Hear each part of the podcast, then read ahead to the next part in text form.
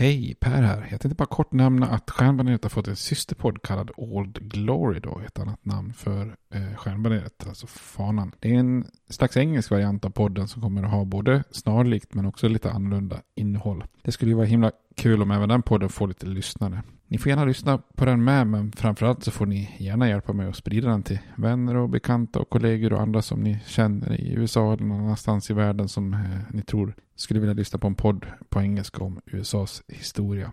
Tack, det var bara det jag ville säga. Nu kommer avsnittet. Hej då! Hiring for your small business? If you're not looking for professionals on LinkedIn, you're looking in the wrong place. That's like looking for your car keys in a fish tank. LinkedIn helps you hire professionals you can't find anywhere else, even those who aren't actively searching for a new job but might be open to the perfect role. In a given month, over 70% of LinkedIn users don't even visit other leading job sites. So start looking in the right place. With LinkedIn, you can hire professionals like a professional. Post your free job on linkedin.com slash people today. Burrow is a furniture company known for timeless design and thoughtful construction and free shipping. And that extends to their outdoor collection. Their outdoor furniture is built to withstand the elements, featuring rust-proof stainless steel hardware, weather-ready teak, and quick-dry foam cushions. For Memorial Day, get 15% off your Burrow purchase at burrow.com slash ACAST and up to 25% off outdoor. That's up to 25% off outdoor furniture at burrow.com slash ACAST. Everyone knows therapy is great for solving problems, but getting therapy has its own problems too, like finding the right therapist, fitting into their schedule, and of course, the cost. Well, BetterHelp can solve those problems. It's totally online and built around your schedule. It's surprisingly affordable too. Connect with a credentialed therapist by phone, video, or online chat, all from the comfort of your home. Visit betterhelp.com to learn more and save 10% on your first month. That's BetterHelp, H E L P.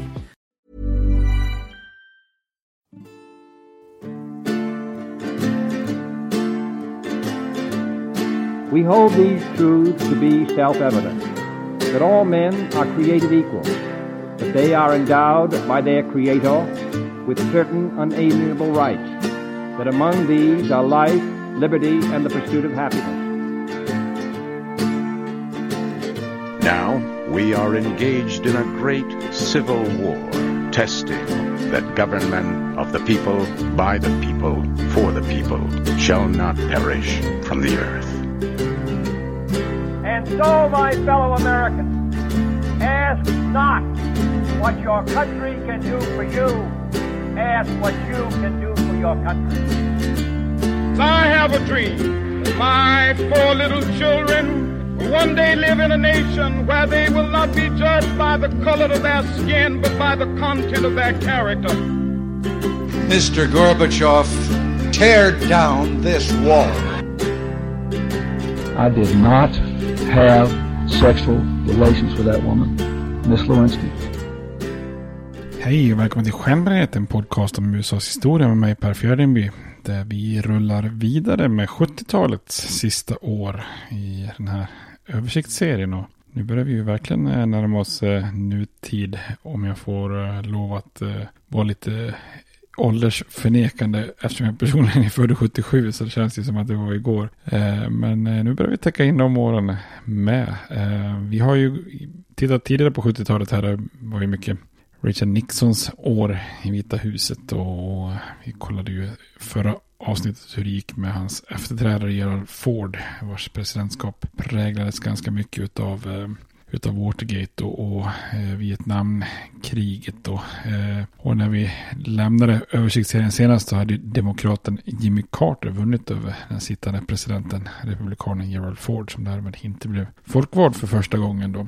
Eh, så att nu rullar vi in här och för många blev ju inte landets 200-årsjubileum efter självständighetsförklaringen 1776 det, det festliga år som man hade kanske hoppats på då. Ekonomiskt var det ju tuffa tider för många och arvet efter Vietnamkriget och Watergate-skandalen var ju fortfarande lite svåra att glömma då. Och presidentvalet 76 präglas ju av, som vi var inne på, lågt valdeltagande och lågt förtroende för stat och politiker eh, och så vidare. Då. Så idag ska vi se hur den här nya presidenten Jimmy Carter tar sig an alla de här problemen när USA rullar, rullar vidare efter sitt 200-årsjubileum.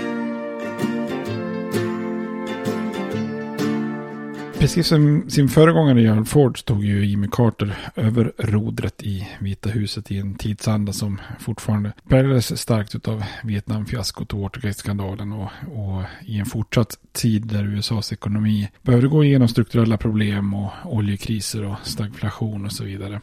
Carters väldigt knappa seger över föregångaren Ford gav ju heller inte något sånt där jättemandat för djärva politiska lösningar då. Carter tillhörde ju också Demokraterna och Demokraterna var ju fortfarande ett relativt skakat och splittrat parti som inte riktigt kanske hunnit återhämta sig efter det här kaoset 1968 kring, kring både Vietnamkriget och medborgarrättsrörelsen och, och annat som ägde rum där i slutet på 60-talet.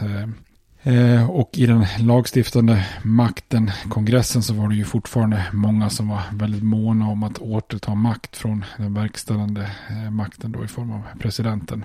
Det amerikanska folket hade ju också utvecklat lite av en cynism angående den politiska makten och den här höga arbetslösheten och inflationen som fanns i landet skapar ju en viss ilska mot politiker som, som man inte tyckte kunde göra någonting åt de här problemen som, som fanns i det amerikanska samhället. Då. Så utmaningarna var ju väldigt stora även för Jimmy Carter när han tar över eh, presidentskapet. Då. Sen kan man väl säga också så här, det som präglar Jimmy Carters tid eh, är ju också att han kanske inte gjorde det helt inte så mycket lättare för sig själv heller. Han hade ju en, en ledarstil stil, eh, präglad av en eh, väldigt eh, självgod kan man säga och inte speciellt flexibel anda som gjorde att de här kanske utmaningarna snarare förvärrades än, än eh, underlättades då.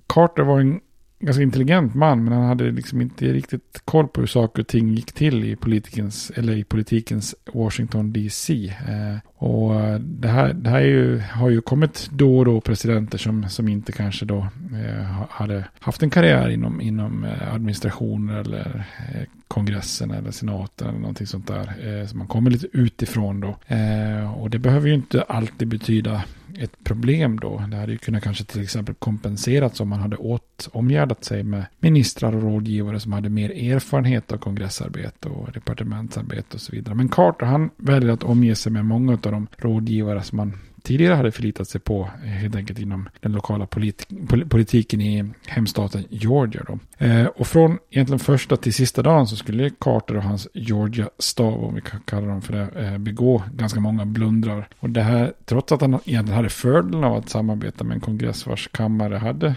demokratiska majoriteter. Eh, det här är första gången sedan 1968 som ett parti hade makten i både Vita huset och hela kongressen samtidigt. Eh, men som den ingenjör han var försökte Carter ofta analysera problemen rejält innan han kom med en lösning. Men det var lite som att han ibland kanske överanalyserade och när han till slut skickade förslag vidare till kongressen på en rad olika områden så möttes de inte sällan av, av motstånd i kongressen då. Eh, där de här lösningarna kändes lite för avancerade kanske i vissa lägen. Och Carters lite, ska man säga, humorslösa och självgoda stil gjorde det också svårt för honom att, att nå fram i etablissemanget i, i Washington ur väldigt många synpunkter så var han ju också en klassisk mittenpolitiker. Då. Eh, med demokratiska mått mätt så var han ganska moderat. Men inte alls eh, från den liberala falangen av partiet. Eh, samtidigt som han inte var tillräckligt konservativ för att tilltala mer, mer då liberala republikaner. Ehm, många av hans förslag och uttalanden i, i kontroversiella frågor som abort, aborträtt och gayrättigheter eller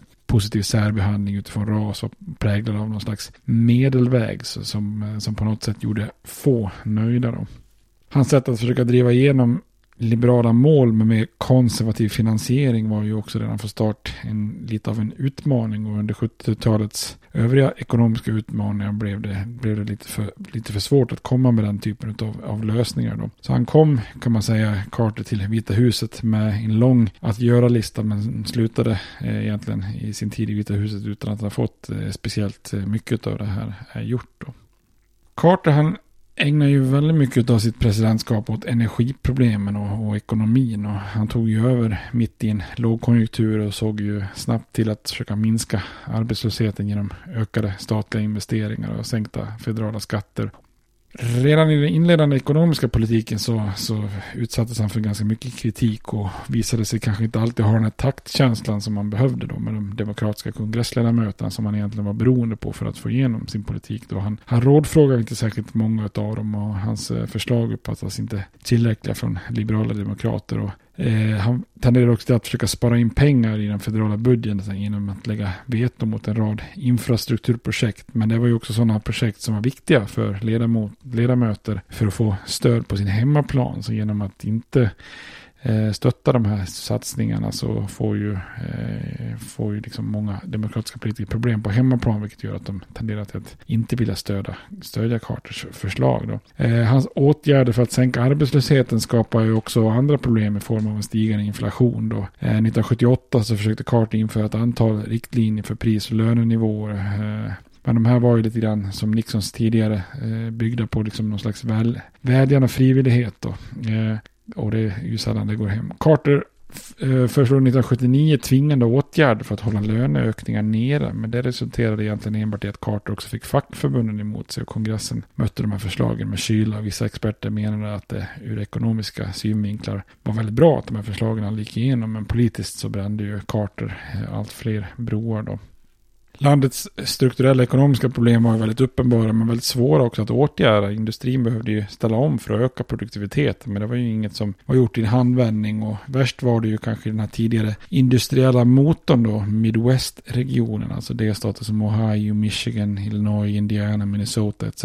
Det var ju under de här åren som den här regionen fick det passande smeknamnet rostbältet eftersom det eh, många industrier som har problem där. Carter försökte också lösa eh, energifrågan då och trots ambition om att eh, om det motsatta så hade ju landets oljeberoende egentligen ökat under Ford-administrationen och 50% av all olja USA behövde kom från importer. Eh, Carter han angrep den här energifrågan precis som han gjort med alla andra frågor utan att egentligen konsultera ledarna i kongressen och, och eh, när han hade satt tänderna i frågan med hjälp av experter så hade han skapat ett väldigt omfattande och komplext förslag till lösning då. Det här lagförslaget var ett paket som inkluderade 113 olika åtgärder som skatter på gas, skatter på bensinslukande fordon och annat. Kongressen urholkar ju förslaget rejält och, och gör det lite enklare. Och en besviken Carter fick skriva under det här urvattnade förslaget i november 78 då. Som grädde på moset var ju dessutom en ny oljekris ett faktum bara ett halvår senare, 1979 då. Oroligheter i Mellanöstern skapade ju för andra gången på 70-talet en brist på olja och när OPEC samtidigt då höjde priset på oljan rejält var olje, oljekrisen ett faktum igen då. Långa köer vid bensinstationerna blev liksom en iögonfallande symbol för landets ekonomiska bekymmer och Carter-administrationen liksom misslyckades ju att lösa dem då.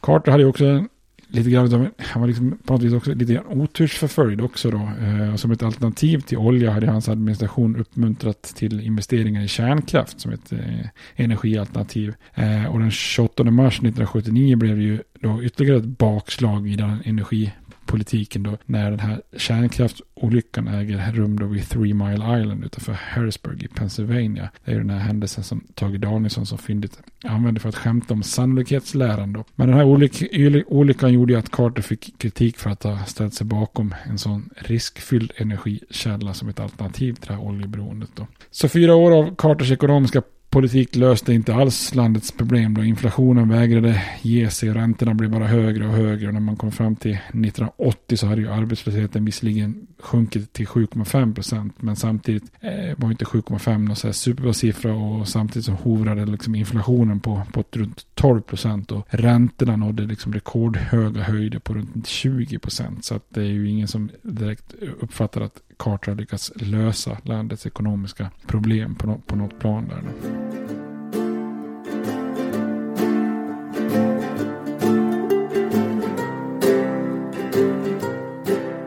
På det sociala området så var ju Carters facit också rätt likt det facit på det ekonomiska, då, ekonomiska planet. Och en, en fråga som var i fokus under Carters president tid var ju health insurance, alltså sjukförsäkringssystemet. Och det här var ju en fråga som frustrerat demokraterna som, som drivit den ända sedan Harry Trumans dagar. Och även om Lyndon B. Johnson drivit igenom de här grundläggande Medicare och Medicaid så såg ju många ett behov av att se över och utvidga den här rätten till, till sjukvård och health insurance. Och, och, och, I sin presidentkampanj 1976 hade Carter i teorin förespråkat ett omfattande och obligatoriskt sjukförsäkringssystem. Men i praktiken bävade han för hur de här kostnaderna skulle lösas. Så Carter ville ju ofta ha liberala reformer men ekonomiskt så var han ju mer konservativ då. Eh, hälso och socialministern Josef Califano försökte lägga fram ett förslag för att reformera sjukförsäkringssystemet och pensioner och tanken var att utvidga systemet samtidigt som man inte ökade kostnaderna till, till extremen genom att, att minska förmåner och höja pensionsåldern. Men eh,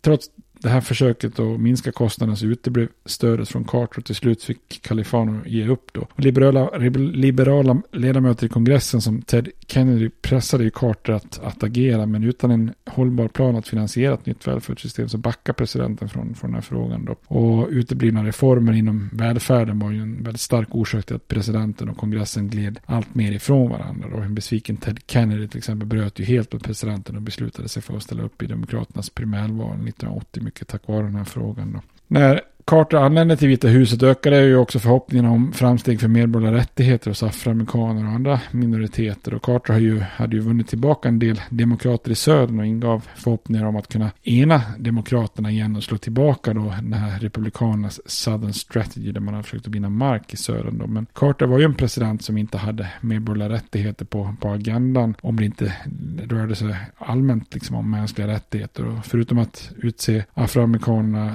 Griffin Bell till just justitiekansler och Andrew Young till FN-ambassadör så gjorde Carter afroamerikaner ganska besvikna. Och precis som i mycket annat så var Carters inställning i rasfrågan ganska mycket eh, mellanmjölk eller mittenpolitik. Då han var varken drivande eller helt ignorant. Och det bästa för Carter eh, det var ju om rasfrågan inte fick fokus och det skapade en massa känslor och problem. Då. Detsamma gällde kvinnors rättigheter. När det gällde abortfrågan försökte Carter balansera på ett rep. Då. Han ville inte stöta sig med varken abortförespråkare eller abortmotståndare. Men lyckas i slutändan nästan stöta sig med alla. Då. Eh, han såg ju då Josef Califano som minister för hälso och välfärdsfrågor. Eh, det irriterade abortförespråkare eftersom han inte ville ha federala pengar som skulle gå som stöd till aborter. Samtidigt försökte Carter uttrycka sitt stöd utan att gå, gå längre för då just aborträtten i fallet Roe vs. Wade, vilket gjorde att han inte följde så god jord bland abortmotståndare heller då.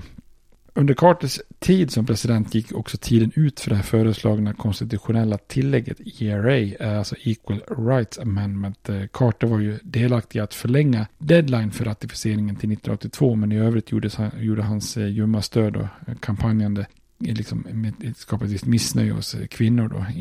Indiana blev sista delstaten att ratificera det här tillägget 1978 och fem delstater drog till och med tillbaka sin ratificering här under Carters år. Då.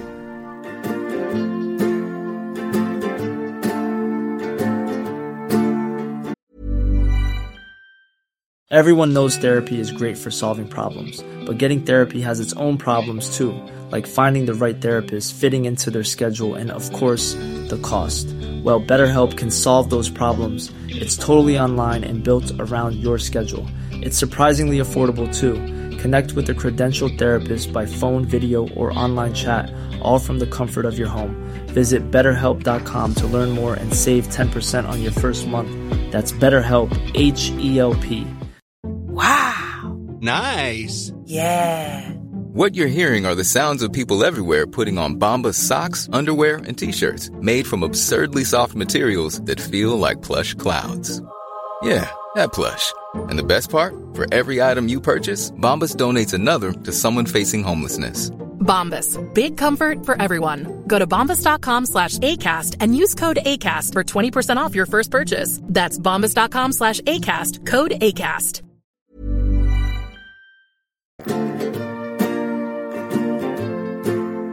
Tittar vi på utrikespolitiken så försökte Jimmy Carter spinna vidare på Nixons detent. Men istället för den realism som Nixon och Kissinger fört in, fört in så var Carter en förkämpe för mänskliga rättigheter i allmänhet och en mer idealistisk inriktning i utrikespolitiken. Carter menar att hans företag, föregångares misstag var att inte agera moraliskt. Alltså själva motpolen till realpolitik då. Alltså med en bättre moral och fokus på mänskliga rättigheter så skulle USA kunna undvika situationer som Vietnamkriget tyckte Carter då. Och efter Vietnamkrigets militära misslyckanden och, och de egna ekonomiska problemen så vill ju många amerikaner se ett minskande, minskande av interventioner i omvärlden. Och själva poängen med Detent hade ju också varit att konkurrera med Sovjetunionen på det politiska planet snarare än det militära. Då. Eh, på många platser i, i världen där lokala grupper kämpar om politisk makt och fredligt eller våldsamt så struntade man emellertid ganska fullständigt i supermakternas olika eh, relationer då. Och i slutet av 70-talet och början av 80-talet försökte Carter lägga sig i utvecklingen i flera centralamerikanska länder som till exempel Nicaragua, El Salvador och en praxis som skulle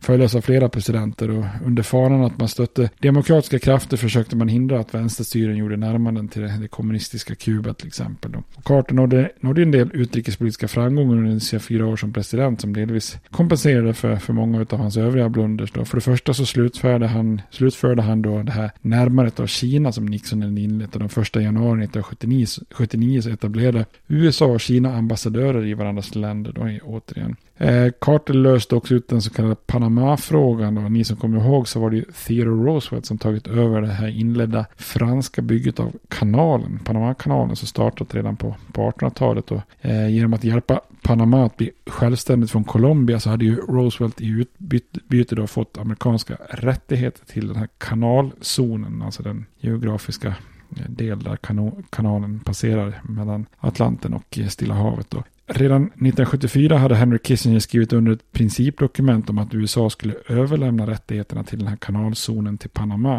eh, och att driva som en neutral zon. Då. Men för republikanska hökar hade det blivit lite av en principfråga att motsätta sig det här. Då. Eh, Ronald Reagan exempelvis slog, slog under primärvalet 1976 fast att we bought it, we paid for it, it's ours, sa ju han om Panamakanalen till exempel. Då. Och det här innebar ju nästan per definition att det blev en viktig fråga för Carters utrikespolitik. Ifall de konservativa tyckte att man skulle behålla Panama-kanalen så tyckte Carter att lämna tillbaka kanalzonen var det mest, den mest moraliska lösningen. Då. Och Carter lyckas ju också övertala senaten att i en väldigt jämn omröstning godkänna det fördraget där USA åtog sig att lämna tillbaka Pan Panamakanalzonen till Panama vid millennieskiftet år 2000. Då. Eh, och det var ju en väldigt jämn omröstning då, 68 röster mot 32, vilket innebär att det bara var en röst från att inte skulle få den två tredjedels majoritet som behövdes för att driva igenom förslaget. Då. På kort sikt så var det ju en framgång för Carter. På lite längre sikt så kunde ju konservativa republikaner kritisera honom som vek då. Eh, I mellanårsvalen förlorade många demokratiska senatorer i sina val, bland annat för att de eh, röstat just för det här fördraget. Så att det kom ju att bita lite grann Carter-demokraterna eh, i, i rumpan detta. Eh, Carter såg ju också till att USA för stunden återtog sin antikoloniala roll man hade haft tidigare i historien. Han uttalade sitt stöd för självständighetsrörelser i Rhodesia, Zimbabwe och Namibia och eh, alltså de sista koloniala arven som fanns. Dessutom riktade han kritik mot det sydafrikanska apartheidsystemet som totalt ignorerade eh, svartas rättigheter och samtidigt som den svarta befolkningen förtrycktes då med våld. Flera saker gjorde att eh, relationerna med Sovjetunionen blev lite frostigare under Carters presidentskap och att eh, Nixons och Kissingers eh, närmanden som de gjort tidigare började knaka i fogarna. För det första såg Sovjetunionen Carters fokus på mänskliga rättigheter som ett hot mot eh, ländernas närmanden och ett medvetet avsteg då från det här detent. Speciellt pekade man ut hur inkonsekvent USA agerade, eh, agerande var när man drog in ekonomisk hjälp till auktoritära styren i Chile och Argentina samtidigt som liknande auktoritära regimen i Sydkorea och Filippinerna fick, fick fortsatt stöd.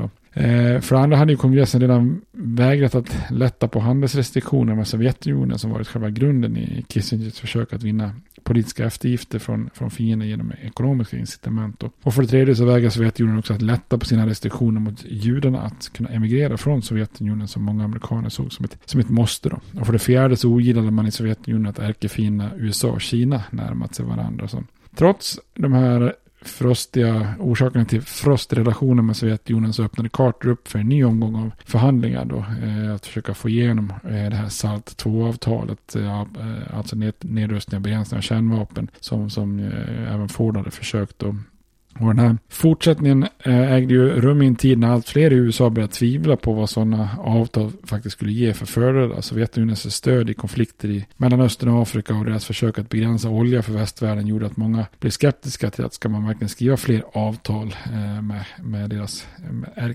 med kalla krigets ärkefiender.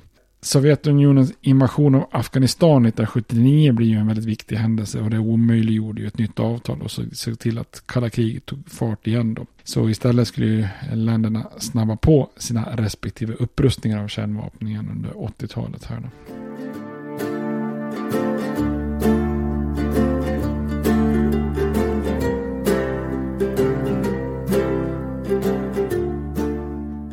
Just det här året 1979 så inträffar ju tre händelser i Mellanöstern som dramatiskt skulle förändra USAs relation med, med resten av, av världen kan man säga. Och den första händelsen var ju en framgång, i, framgång för Jimmy Carter. Det var ju det så kallade Camp David-avtalet. och ett eh, fördrag mellan Egypten och Israel. Då. 1978 hade ju Carter bjudit in ledarna för Egypten och Israel för att ja, chilla lite och förhandla i, på, på eh, sommarresidentet Camp David. Och, eh, kurio, lite kuriosa säger det här presidentens så kallade fritidshus i Maryland. Då. Ehm, under 13 dagar så pågick förhandlingarna där och avtalet som de kom överens om handlade om att Egypten erkände Israels rätt att existera som en suverän nation samtidigt som Israel återlämnade Sinaihalvön som man erövrat 1967. Samtidigt förband sig de båda länderna i lite luddiga termer att förhandla om palestinsk autonomi i, i, i de av Israel ockuperade områdena, alltså Gazaremsan och Västbanken. Då. Carter hyllades ju väldigt mycket för att ha skapat en slags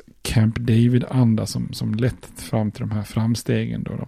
Den andra utrikespolitiska händelsen 79 som var viktig eh, blev ju dock en katastrof för Carter. Det var ju den här iranska revolutionen och, och gissling, gisslantagandet i, i Teheran då. Eh, den här framgången med Camp David kom ju helt av sig då av den här iranska revolutionen då. Under Nixon och Kissinger hade ju USA förlitat sig en hel del på, på Iran och, och dess ledare då, Shan eh, Mohammad Reza Pahlavi. Eh, då att eh, den här shahen skulle stå för säkerhet i Persiska viken och en buffertzon gentemot Sovjetunionen då.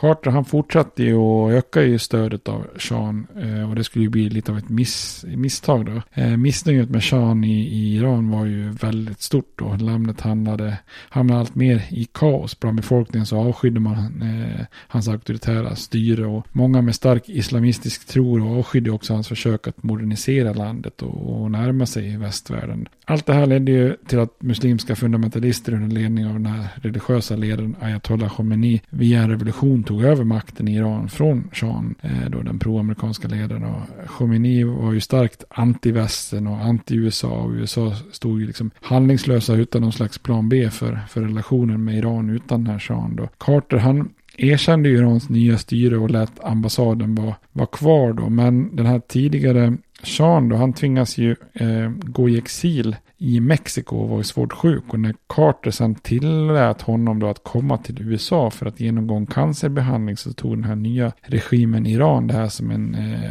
väldigt förolämpande handling gentemot dem då. Och som vedergällning för den här förolämpningen så stormade 150 radikala nationalistiska studenter den 4 november 79 då den amerikanska ambassaden och kidnappade 53 amerikanska soldater och diplomater från ambassaden och höll dem som gisslan i huvudstaden Teheran. Då. Efter två, två veckor så släpptes 13 nu i gisslan då, eh, enbart kvinnor och afroamerikaner i ett försök att eh, försöka vinna support från de där grupperna i, i USA. Då.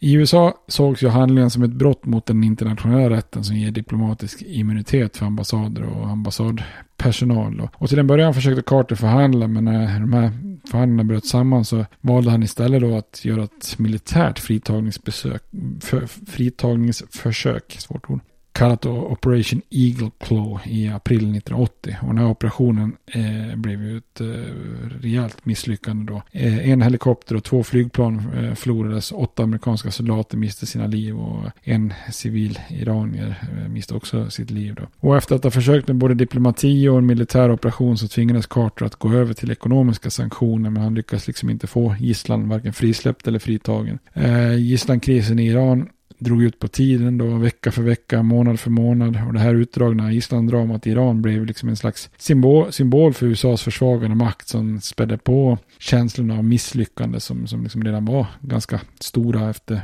det misslyckade Vietnamkriget. Då. Och själva situationen tog eh, bildligt talat egentligen Carter själv som gisslan. Då. Det här gisslandramat mer än någon annan händelse gjorde ju allmänheten frustrerad med sin president. Då. Och i slutändan skulle ju gisslandramat också bli politiskt handikapp då för under Carters eh, hela sista år som president eh, bidrog det ju starkt till att han sen då förlorade presidentvalet 1980 och inte blev omvald. Då. Och på längre sikt satte händelsen också standarden för de ekonomiska sanktioner och risiga relationer som än idag gäller egentligen mellan USA och Iran. Då.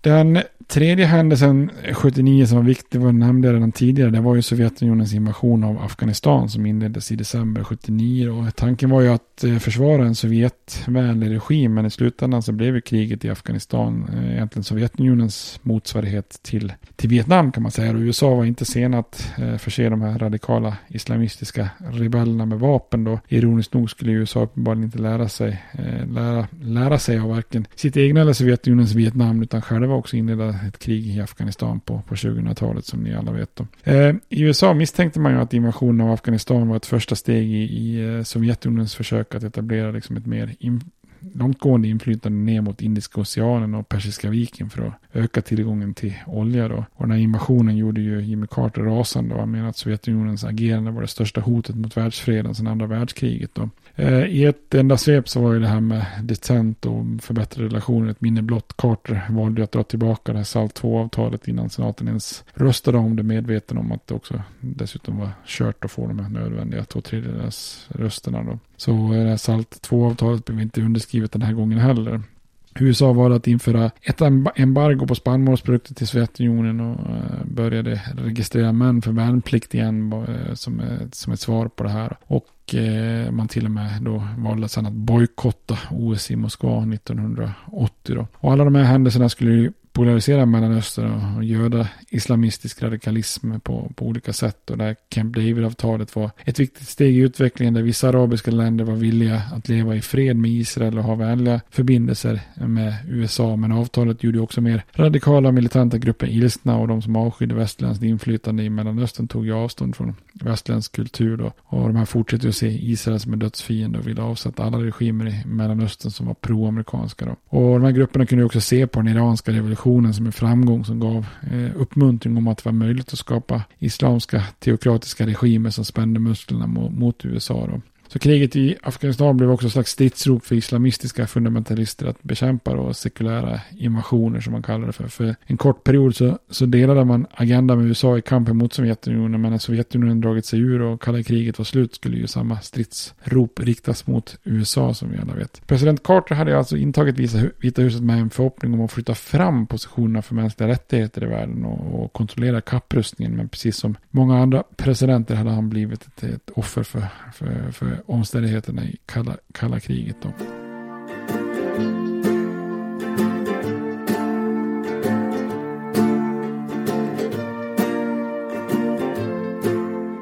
Sommaren 1979 var ju ingen eh, direkt höjdare för Jimmy Carter, speciellt när, eh, när en ny oljekris var ett faktum. Då. Eh, Carter var ju väldigt pressad att agera då med allt det här som jag beskrivit som har hänt. Och hans rådgivare informerade honom om att folk började tappa förtroendet för honom. Så att om han inte gjorde något så skulle det bli en väldigt tuff utmaning att väljas om i presidentvalet 1980. Då.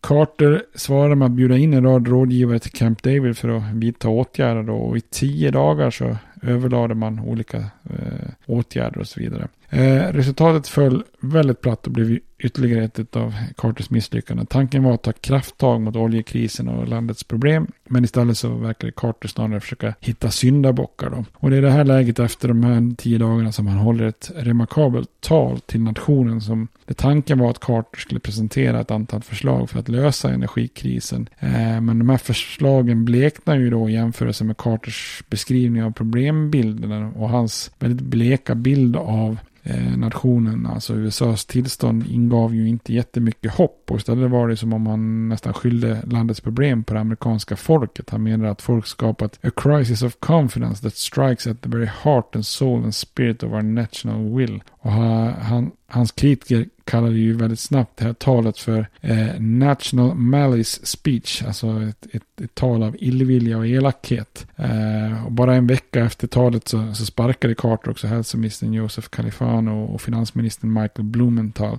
Trots bra intentioner och, och, hårt jobb så var ju Carters ledarskap väldigt problematiskt. Det var som om presidenten skyllde ifrån sig på andra. Eh, så att han skyllde ifrån sig på det amerikanska folket och ministrar istället för att ta ansvar för landets problem själv. Då. Och allt fler amerikaner började ju dra slutsatsen att problemet snarare var Carter själv än, än något annat. Då.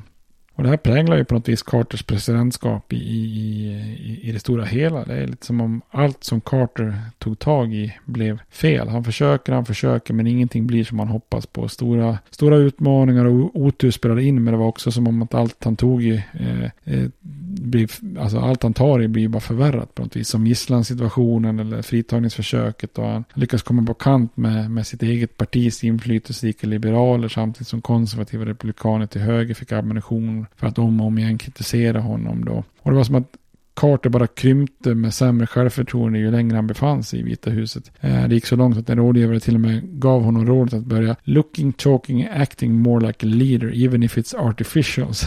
Ganska långtgående råd att han måste ändå försöka se lite ledare. Eh, som ju ser ut som en stark ledare även om man inte, även om man inte är det. Så att säga. Och det här med otur och klantighet om och om igen då, så eh, pricken över i på något vis var ju någon slags bisarr händelse som kom att kallas för kaninskandalen 1979 då. Jag brukar ju i översiktsserien försöka måla pens med breda penseldrag och inte alltid gå in på alla typer av detaljer och, och händelser. Och det är ibland får man något mejl från någon som tycker att jag har valt bort något, något viktigt. Med, och det här kanske inte är den absolut viktigaste händelsen egentligen, men det är ändå tycker jag på något vis så rolig och så typisk för Carters presidentskap så vi måste ändå ta upp kaninskandalen 1979 då. Och det här är ju under en fisketur hemma i Georgia som, som eh, Carter är ute på då så simmar det en så kallad kärrkanin. Jag vet inte vad det är för kaniner som lever i kärr då, men det är en sån som simmar nära Carters båt och enligt presidenten hade eh, kan, kaninen väst och försökt liksom att ta sig ombord på båten, eller, ja, eller båten snarare ekan då. Eh, och Carter han tvingas liksom mota bort den här kaninen med åran. Eh, och när han berättade om den här händelsen så var det väldigt få som trodde han, men en av hans medarbetare hade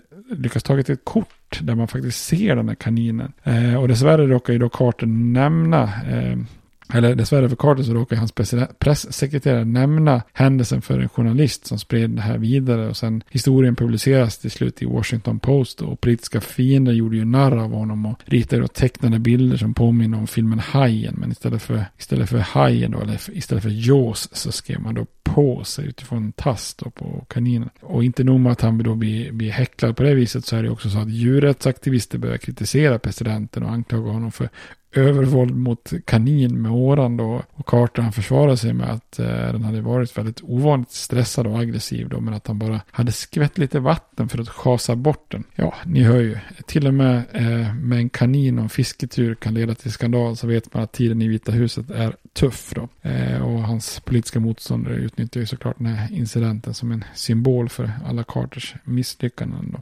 Så när vi nått fram till 1980 så var ju landet eh, rejält trött på, på Jimmy Carter. Hans position som nationens ledare hade urholkats rejält och ekonomin hade knappast förbättrats. Och med försämrade relationer mot, med Sovjetunionen och utdraget gisslandrama i, i Teheran då så föreföll, föreföll Carter handlingsförlamad. Eh, han hade varken tilltalat liberala demokrater eller konservativa grupper med sin mitten på politik och sin konstanta medelväg i alla frågor. Och även om man nådde vissa utrikespolitiska framgångar så kunde de inte kompensera, kompensera för alla övriga plumpar och misslyckanden politiskt. Då. Eh, Carter hade ju gått till val 1970, eh, hade ju gått till val 1976 som en outsider som skulle kunna rätta till allt det där onda med etablissemanget i huvudstaden Washington DC då. Och fyra år senare så var ju hans väljare väldigt besvikna. Jag tyckte snarare att han hade skapat ytterligare problem då.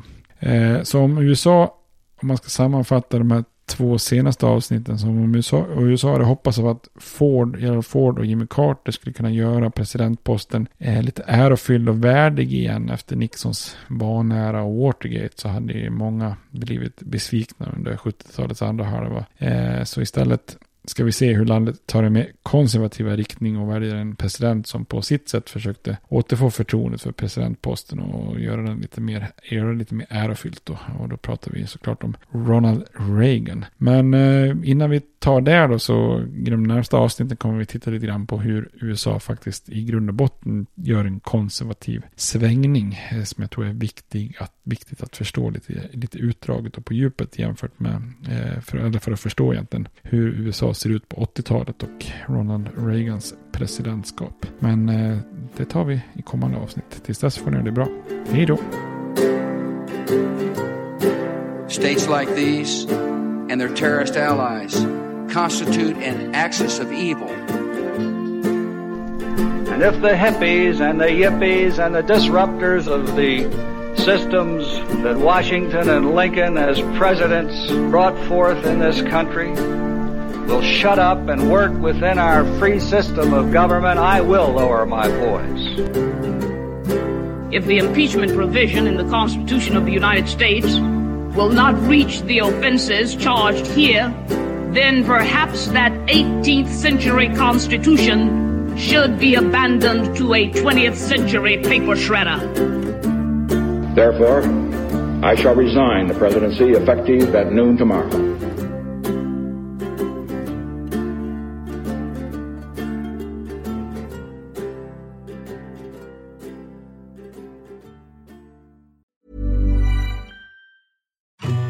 More infant formula companies use organic, grass fed whole milk instead of skim? Why don't more infant formula companies use the latest breast milk science? Why don't more infant formula companies run their own clinical trials?